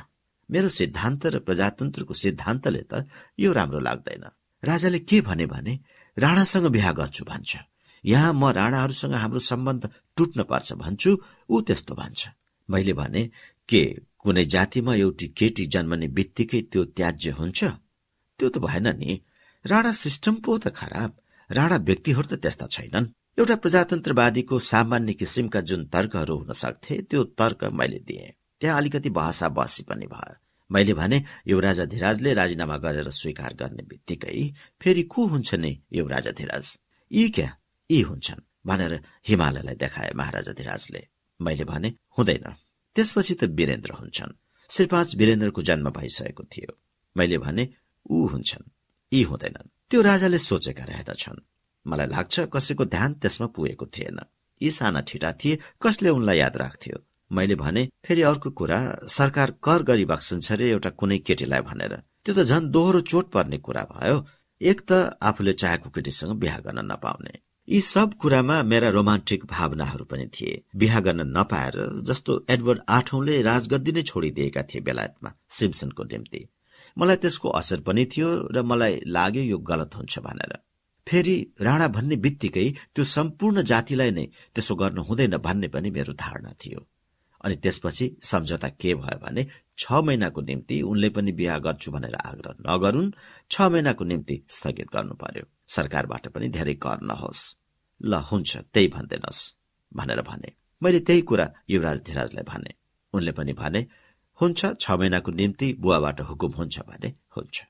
अब यो कुरा मलाई राजाले भनेनन् तर अरूलाई राजाले भनेछन् कि बिपीले यसो गरे। तर यो क्राउन प्रिन्सले तिमीहरूलाई रुवाउँछ। तिमीहरूलाई धुरु धुरु रुवाउँछ। मैले चिनेको छु त्यसले धुरु धुरु रुवाउँछ। त त्रिभुवनले त्यस कुरामा महेन्द्रको बिहा सम्बन्धमा मैले भनेकोबाट चित्त दुखाएका थिए रे भनेर मान्छेहरू भन्थे। अरूलाई पनि तिनले त्यो भने। चौवन्न। मैले सरकारमा छँदा दुई पक्षहरूलाई हेर्नु परेको थियो एउटा सरकार र अर्को पार्टी। म अध्यक्ष थिएँ पार्टीको र प्रधानमन्त्री पनि थिएँ सरकारको। त्यसमा मलाई लाग्थ्यो सुवर्णजीको पूरा समर्थन थियो मलाई। दुई तीनवटा महत्वपूर्ण कुराहरू गर्नु परेको थियो। एउटा भूमि सुधारको बारेमा थियो। भूमि सुधारको कुरा मन्त्रीमण्डलमा आउँदा जहिले पनि सुवर्णजी मलाई पूरा समर्थन गर्नुहुन्थ्यो तर त्यसको विरोध रामनारायण तुलसीगिरीहरूले गर्थे। तिनीहरू जग्गाधनी वर्गको प्रवक्ताको रूपमा बोल्थे। यो त हुँदैन यसबाट हामी आफ्नो आधार गुमाउनेछौ भनेर भन्थे। सुवर्णजी भन्नुहुन्थ्यो होइन यो त अलि सशक्त किसिमबाटै गर्नुपर्छ। यो एउटा समस्या थियो र बडो महत्वपूर्ण विषय थियो। र मलाई लाग्छ हरेक सदस्य त्यसबाट प्रभावित थियो पार्टी र पार्लियामेन्टका सदस्यहरू मध्ये त्यसमा विश्वबन्धु जहाँ जसलाई जसरी अनुकूल पर्छ उचाल थियो। त्यो त मलाई एकदम राम्ररी थाहा छ। धेरै ठूलो भूमि सुधारको पक्षमा गणेश मान्जी पनि हुनुहुन्न थियो किनभने उहाँको यो उपत्यकालाई त्यसबाट असर पर्थ्यो। अब हाम्रो भातगाउँको सदस्य जगन्नाथ उनी एकदम पूरा भूमि सुधारको पक्षमा थिए। गणेश मान्जी सानो र ठूलोमा भेद गरेर ठूलोलाई सिद्धाइदिनुपर्छ सानो रहन दिनुपर्छ भन्नेमा हुनुहुन्थ्यो। हाम्रो बहस हुन्थ्यो जगन्नाथ भन्थे सानो काँडाले बिजे पनि बिजेकै हो ठूलो काँडाले बिज्दा पनि बिजेकै हो। एक त जगन्नाथलाई टिकट दिएकोमा गणेश मान्जीहरूले चित्त दुखाउनु भएको थियो। गणेश मान्जीहरू के चाहनुहुन्थ्यो भने त्यहाँ एकजना हाम्रो अर्का मान्छे थिए तिनलाई टिकट दिनुपर्छ। ती सायद त्यहाँका अध्यक्ष थिए कि सचिव थिए। मैले के देखेँ भने त्यो पूरा क्षेत्र छ काठको। त्यसमा बडा शक्तिशाली मान्छेहरू छन्। गणेश बहादुर खत्री पनि थियो जस्तो लाग्छ। शहरको एउटा समूहले मात्र समर्थन गरेर पुग्दैनथ्यो फेरि शहरमा त अरू मान्छेहरू पनि निस्किन्थे। कम्युनिष्टहरू पनि थिए। त्यसो हुनाले मैले कर गरिकन यिनलाई टिकट दिएको थिएँ। उनको विरूद्धमा गणेश मान्जीकी पत्नी उभिदिनु भयो मलाई कस्तो अप्ठ्यारो पाइदिनु भयो गणेश मान्जीकी पत्नी मङ्गलाजी मसँग बाँच्न थाल्नु भयो उहाँको महिला संगठनका मानिसहरू लिएर आए मेरो घरमा। मैले भने हेर्नुहोस् यो तपाईँले गलत काम गर्नु भएको छ। र टिकट उनले पाए। तपाईँले नोमिनेसन दर्ता गर्नुभयो। फिर्ता लिनुहोस्। नत्र भने गणेश मान्जीलाई त्यहाँ बोल्न लगाउँछु तपाईँको खिलाफमा। उहाँ बोल्नुपर्छ त्यहाँ गएर। र तपाईँ हार्नुहुन्छ। मैले अलिक कडाकडी कुरा गरेँ। पछि उहाँले फिर्ता गर्नुभयो। उहाँको दबाव थियो अर्को मानिसलाई टिकट दिलाउनु। अनि ती जगन्नाथ त्यस पृष्ठभूमिले गर्दा जगन्नाथको गणेश मान्जीसँग राम्रो भएन। विश्वबन्धुले के गर्थ्यो भने मानिसहरूलाई उचाल्दा यहाँ यो छैन ऊ छैन। चिफ हुइपले त यसमा यसरी भोट दिनुपर्छ भनेर सम्झाउनु पर्नेमा त सबैलाई बिचकाउने र भड्काउने कुरा गर्थ्यो।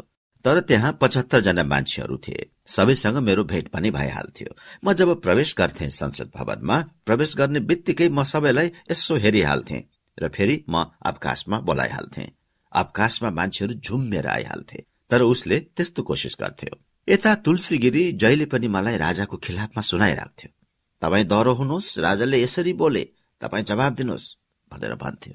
उसले भड्काउने कुराहरू गइरहेको थियो र उसले गइकन एक दुईवटा मिटिङहरूलाई पनि सम्बोधन गरेको छ विराटनगरमा सप्तरीमा। विराटनगरमा मलाई एकदमसँग आक्रमण गर्यो। लुते हुनुभयो खत्तम हुनुभयो भनेर सरेन्डर गर्नुभयो भनेर। अर्को मलाई आक्रमण हुन थाल्यो ठुल दाजुबाट ठुल दाजु मनोनित हुनुहुन्थ्यो। कार्य समितिको सदस्य पनि हुनुहुन्थ्यो। उहाँले क्रमबद्ध लेखहरू लेख्नुभयो राजाले प्रत्यक्ष शासन गर्नुपर्छ यो सरकार भ्रष्ट भयो भनेर। यसरी यता मेरो पार्टीको तर्फबाट मलाई आक्रमण भइरहेको थियो। अनि बाहिर त छँदै थियो। भूमिपति वर्ग र दरबारबाट सञ्चालित जति शक्ति हुन सक्थ्यो मेरो खिलाफमा सक्रिय थिए। भारतले पनि मलाई लाग्छ मलाई बडो सुखको अवस्थामा राखेको थियो जस्तो लाग्दैन। जवाहरलालजीसँग त मेरो राम्रो थियो तर अरूहरूसँग मेरो राम्रो थिएन। ती सबैसँग मैले एक्लैले भिड्नु पर्थ्यो। अर्को कुरा मेरो संसदलाई पनि हलचल गर्न नसक्ने कुरा के भइदियो भने विरोधी पक्षको नेता भरत शमशेरले आएर मलाई के प्रतिज्ञा गर्यो भने यस संसदलाई तपाईँलाई बिथोल्ने कोसिस भयो भने मेरो पार्टीका अठार जना सदस्यहरूले तपाईँलाई समर्थन गर्नेछन्। र कम्युनिष्टहरूका प्रति न्यायका साथ म के भन्दछु भने संसद बिथोल्ने कोसिस भयो भने हाम्रा चारजनाले तपाईँलाई समर्थन गर्नेछन् भनेका थिए। यस प्रकार अठार र चार गरेर बाइस जनाको थप बल मलाई प्राप्त थियो। हाम्रो जति संख्याबाट बहुमत हुने हो त्यसमा मसँग पार्टीकै पच्चिस जना बढ़ी थिए। त्यसमाथि बाइस जनाको थप समर्थन भयो। त्यसले गर्दा पनि ती खतराहरू रोकिएका थिए। कोही गए पनि त्यति फरक पर्ने सम्भावना थिएन। मलाई के लाग्दछ भने यी सब विघ्न बाधाहरू खड़ा गर्नमा दरबारको हात छ। स्वर्गीय राजा महेन्द्रको नभए पनि दरबारभित्रका तत्वहरूको हात छ। तुलसीगिरीलाई उठाउन र भड्काउनमा। राजा के गर्थे भने कुनै प्रतिनिधि मण्डल आयो भूमिपतिहरू वा कसैको भने भेट गरिदिन्थे कुरा सुन्थे अनि उनीहरू प्रोत्साहित भएर म कहाँ आउँथे। एकपटक मलाई याद छ एउटा प्रतिनिधि मण्डल राजा कहाँ गयो अनि म कहाँ आयो। प्रधानमन्त्रीको निवासमा मैले बोलाएँ। अगाडिपट्टि एउटा बरण्डा थियो ठूलो त्यही मैले मिटिङ राखेको थिएँ। पचासजना जति तिनीहरू आएका थिए।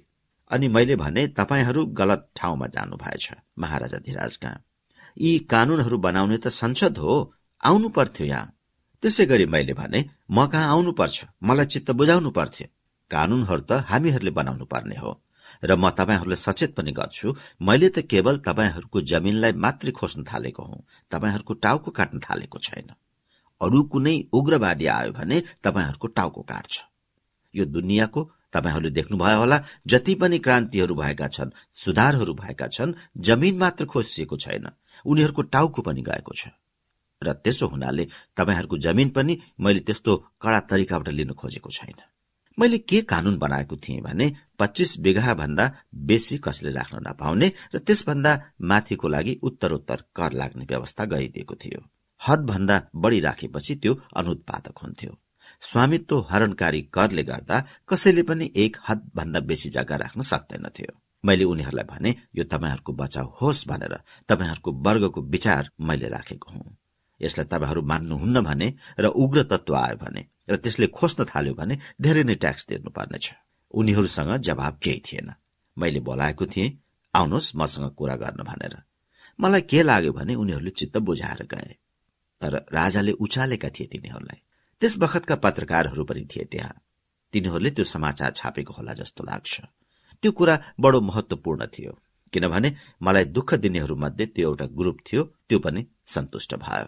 त्यसो हुनाले मलाई लाग्दैनथ्यो राजाले कसैसँग मिलेर केही गर्न सक्लान् भनेर। पचपन्न। मलाई बीचबीचमा खबर आउँथ्यो राजा जहिले पनि उटपटाङ उटपटाङ कुराहरू गर्थे। पहिले त मलाई प्रधानमन्त्री घोषणा गर्नलाई नै राजाले एक डेढ महिना ढिलो गरे त्यो मैले भनिसकेको छु। त्यसपछि पहिला दिन राजाबाट शपथ ग्रहण गराइसकेपछि जहिले पनि टेलिफोन गरेर आउन सक्नुहुन्छ भनेका थिए। हप्तामा दुई पटक जानै पर्थ्यो र मलाई बोलाउँथे। शपथ ग्रहणपछि पहिलो पटक मैले राजालाई भेट्न जाँदा पर्खनु पर्यो। राजाको सवारी भएको छैन भने मैले पर्खनु पर्यो। तिनले के गरेका रहेछन्? हाम्रो बीचको सबै वार्तालाप टेप रेकर्डिङ गर्ने इन्तजाम गर्दै थिए। मैले राजासँग के कुरो गरे त्यसको टेप रेकर्डिङ गर्नुहुने थिएन। अनि राजाको टेबलमा एउटा सानो घडी भएको टेप रेकर्डर थियो। म जहिले भेट्न जाँदा पनि त्यसलाई हल्लाइराख्थे स्विच अफ र अन गर्थे। त्यो मलाई लाग्थ्यो टेप गर्ने कुरा थियो। मलाई लाग्छ मेरो उनीसँग भएका सारा कुराहरू रेकर्ड भएका छन् र ती दरबारमा होला जस्तो लाग्छ। तुलना गर्दा होला जस्तो लाग्छ। कता कता पटरी नमिले जस्तो लाग्ने। मेरो सम्पूर्ण प्रयास थियो म राजालाई साथ राखौं भन्ने। तर म जनताको प्रतिनिधि थिएँ र पहिलाको जस्तो प्रधानमन्त्री थिएन। त्यो कुरो जहिले पनि मलाई लागिरहन्थ्यो। मलाई लाग्थ्यो मेरो आधार त जनता हो दरबार होइन। तर दरबारलाई आफ्नो साथमा राख्नुपर्छ भन्ने पनि थियो। आफ्नो आधार जनतालाई छोडेर त्यसो गर्न सकिँदैन थियो। किनभने मेरो क्षेत्र त जनतामा छ भन्ने कुराका प्रति म हमेसा नै सचेत थिएँ। तर मेरो प्रयासमा कता कता कुरा मिलिरहेको छैन भन्ने कुराप्रति पनि सजग थिएँ। र मैले राजालाई कुनै किसिमको मौका दिएको थिइनँ कुनै किसिमको काम गर्न मेरो खिलाफमा। त्यसरी मैले जति कुरा हुन्थ्यो म छलफल गर्थे विधेयकहरूमा छलफल गर्थे। यी सबै कुरा गर्थे। उनले पनि कहिले हस्तक्षेप गरेनन् त्यो मैले भनिसकेको छु। यो त तपाईँको काम हो।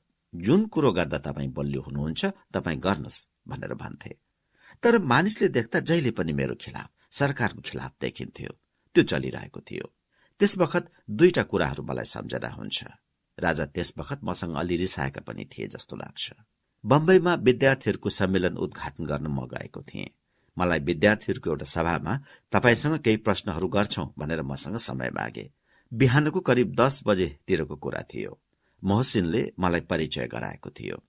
अब त्यसमा मलाई अप्ठ्यारा प्रश्नहरू गर्न थाले। मैले भने तिमीहरूलाई लाग्दो हो मेरो हातबाट शक्ति गयो भने तिमीहरूको हातमा आउँछ। यो र यस किसिमको गलत भ्रममा नबस। शक्ति हत्याउनको लागि कोही ढुकिरहेको छ र त्यो सामन्ती हो राजा। मैले प्रेसको लागि होइन भनेको थिएँ तर राजाको कानमा त त्यो पुगिहाल्यो। मैले स्पष्ट भाषा प्रयोग गरेको थिएँ। मैले भनेको थिएँ अहिले के अवस्था छ देशको? तिमीहरू तरुण छौ कम्युनिस्ट छौ भनेर भनेको छु। अहिले हामीले कत्रो भूमि सुधार गरिरहेका छौं कत्रो अभियान भइरहेको छ। त्यसले गर्दा सरकारको खिलाफ। त्यो मैले भनेको थिएँ। राजा कहाँ पुगेछ? अर्को म अमेरिकाबाट आउँदा लन्डनमा एक दुई दिन बसेको थिएँ। त्यहाँ विद्यार्थीहरू भेट्न आएका थिए। त्यसमा एउटा हेमाङ्गमणि पनि थिए डाक्टर। तिनी र अरू पनि दस पन्ध्रजना आएका थिए। मेरो कोठा र हल सब भरिएको थियो। त्यसमा पनि मैले कुरा गर्दा के भने भने मलाई समस्या ऱ्याडिकलहरूबाट छैन। मलाई समस्या राजासँग छ। र मलाई समस्या नै खडा गराएका थिए राजाले।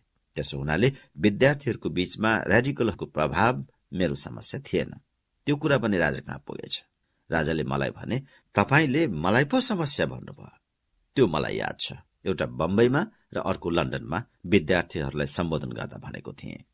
मैले भनेको थिएँ त्यो एउटा तत्व हो जो कहिले विद्यार्थीहरूको नाउँमा कहिले किसानको नाउँमा र कहिले कसैको नाउँमा समस्या खड़ा गर्दैछ र त्यो प्रतिक्रियावादी तत्वलाई पनि बलियो पार्छ।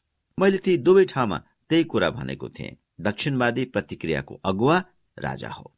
जुन तर्कहरू थिए त्यो मैले भनेको थिएँ। तर मैले भन्ठानेको थिएँ यो कतै बाहिर जाने पनि होइन प्रेसमा पनि जाने होइन। प्रेसको लागि होइन भनेर भनेको थिएँ। त्यो राजा कहाँ पुगेछ? राजाले मलाई च्यालेन्ज गर्नुभएछ। अनि बिचैमा मलाई के खबर आइराख्दथ्यो भने राजाले अब केही न केही गर्छन्। मेरो समक्ष प्रश्न थियो राजाले त्यस्तो गरेर उनलाई के फाइदा हुन्छ? जसको म अचेल विश्लेषण गर्दछु। त्यस बखतमा पनि गर्थे। र अर्को कुरा उनले केही गरे भने हामीहरूले त्यसलाई रोक्ने कुनै उपाय थिएन। हामीले त्यस परिस्थितिको सामना गर्नै पर्थ्यो। रामनारायणले यो प्रश्न जहिले पनि उठाउने एकपटक क्याबिनेटमा पनि उठायो। मैले के भने भने राजाले त्यस्तो गर्छन् भनेर तर्सेर म बाहिर विदेशमा जाउँ भने त उसलाई न्यू भइहाल्छ नि। प्रधानमन्त्री नभएकोले यो सरकार मैले लिएँ भन्न सकिहाल्छ नि। चलेन संसदीय व्यवस्था भन्न सकिहालिन्छ नि। र त्यसलाई रोक्ने प्रतिकार गर्ने पनि हामीहरूसँग कुनै उपाय छैन। त्यसो हुनाले हामीले यसलाई बेहोर्नै पर्छ। त्यसको लागि हामी तयार हुनुपर्छ। तर राजाले त्यस्तो किन गर्छन्? त्यो मैले बुझेको छैन। उनीहरूले उचाल्दैमा राजाले त्यो गर्छन् भने त्यो राजाको अहितको कुरा हुन्छ। त्यो कुरा त मैले थुन्नेपछि पनि भनेको छु तुलसी गिरीलाई। उसलाई म सँगसँगै राखेको थियो नि म थुनिँदा मेरा कुराहरू बुझ्न भनेर। सूर्यबाबु पनि भन्नुहुन्थ्यो कु गर्छन्? फलाना गर्छन्? इत्यादि। मैले भने कहाँको खबर ल्याउनुहुन्छ? उहाँले एउटा आर्मीको जेनरलको कुरा गर्नुभयो। त्यसले भन्यो भनेर। मैले त्यसलाई बोलाएँ सोधेँ। उसले सूर्यबाबुलाई यता छ महिनादेखि मैले भेटेको छैन भन्यो। मैले ठाने सूर्यबाबु त्यसै भन्नुहुन्छ। दुई दिन पहिले सुवर्णजीले भन्नुभयो म कलकत्ता जान थाले। राजासँग पर्मिसन लिइदिनु पर्यो भनेर भन्न आउनु भएको थियो। कलकत्तामा इन्कम ट्याक्सको समस्या छ। म आउँछु दुई तिन दिनमा भन्नुभयो। म गिरफ्तार हुनुभन्दा दुई तिन दिन पहिलेको कुरा हो। सुशीला पनि दुई दिन पहिले गएकी विराटनगर। दुई पुसदेखि मेरो टुर छ। म साँच्चै भनौँ भने त्यही तरुण दलको सम्मेलनमा उपस्थित हुन पर्खेको थिएँ। टुरको सारा कार्यक्रम तय भइसकेको थियो। पूर्वपट्टि जाने भनेर घोडा टेन्ट इत्यादि सारा कुराहरूको इन्तजाम भइसकेको थियो। सुवर्णजी जब जान थाल्नुभयो आउनुभयो मका। म त हिँडे भनेर।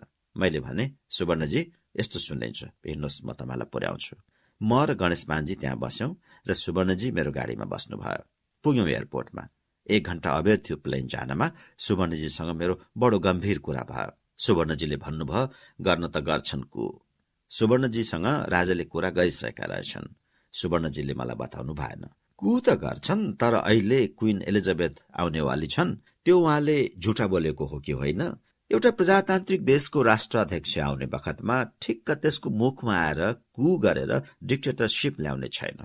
त्यो गर्दैनन्। र मार्च पछि त कु गर्छन् गर्छन्। त्यसो हुनाले तबसम्म टाइम पनि छ। के उपाय अप्नाउनु पर्ने हो त्यो गरौँला फर्केर आएपछि दुई चार दिनमा भनेर उहाँ जानुभयो। मलाई लाग्छ सुवर्ण गएकै दिन राजाको मसँग बाजा बाज भएको थियो। त्यही राति राजाले मलाई बोलाए मलाई बोलाएर के भने भने तपाईँले हामीहरूलाई किन मुस्नुभयो? मलाई किन मुस्नुभयो त्यो जोगीको काण्डमा? मैले भने सरकार मैले होइन जोगीले मुछेको हो। जोगीमाथि कारवाही हुँदैछ। तपाईँले त्यो कारवाही हुँदाहुँदै किन त्यो पब्लिक वक्तव्य दिनुभयो भनेर मलाई सोधे। मैले भने मलाई प्रेसले सोधे त्यस विषयमा र सरकारको सूचना थियो। सरकारको सूचना थियो कि जोगीले बदमासी गराएको हो भनेर। उसलाई हामीले पक्र्यौं ऊ यो भनेर हिँड्थ्यो कि महाराजा धिराजबाट मलाई आदेश बक्सेको छ कि यो धर्म नमान्ने प्रधानमन्त्री र त्यसको सरकारको विरूद्ध विद्रोह गरे हुन्छ। र मलाई महाराजा धिराजको यो लाल मोहर छ भनिकन हिँड्थ्यो। राजाले यो त हामीलाई मुस्ने जस्तो भयो भनेका थिए र त्यसैमा कुरा टाङ्गिएको थियो। राजाले त्यो एक्सन लिनुभन्दा एक वा दुई रात अघि यो कुरा उठाएका थिए र मैले भनेको थिएँ सरकार प्रमाण नभइकन त मैले भनेको छैन। उनले भने के प्रमाण? त्यो जोगीलाई समातेर ल्याउँदा त्यसको झोलामा धेरै कागतहरू पक्रिएका थिए। गोर्खामा काण्ड गरिकन ऊ थियो। कस्तो चाँडो हिँड्दो रहेछ भने उसलाई जुम्लामा हो क्यारे समातेर लिएर आए। उसलाई समात्दा उसको झोलाबाट ती कागतहरू बरामद भएका थिए। ती कागज पत्रहरूको गृह मन्त्रालयले छानबिन गर्दै थियो। मैले भनेको थिएँ सरकारको मिलिट्री सेक्रेटरीले लेखेको चिठी नै देखाइकन रुपियाँ पनि दिएको छ लाल मोहर भनेर देखाउँथ्यो यही हो चिठी भनेर उनले भनेपछि मैले चिठी उनलाई देखाएँ। त्यसमा ठूलो रकम थिएन तर त्यसमा के भनेको थियो भने तिमीले राम्रो काम गरेको महाराज धिराजबाट बडो कदर गरी बक्सेको छ। र पछि पनि कामको लागि रुपियाँको जरुरत परेदेखि खबर गर्नु अनुदान बक्सने छ भन्ने किसिमको त्यो चिठी थियो। मैले त्यही देखाएँ। देखाएपछि उनले भने उसलाई मैले कुनै दान दिन सक्दिन? उसले कर्मवीर महामण्डल बनाएको थियो।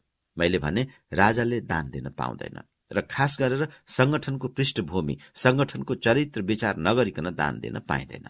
हामीहरू जस्तो होइन। हामीहरूले त जसलाई दिन मन लाग्यो दिए हुन्छ। हामीहरूको कुरा अर्कै हो। एउटा राजनीतिज्ञले पनि चाहेमा दिन पाउँदछ।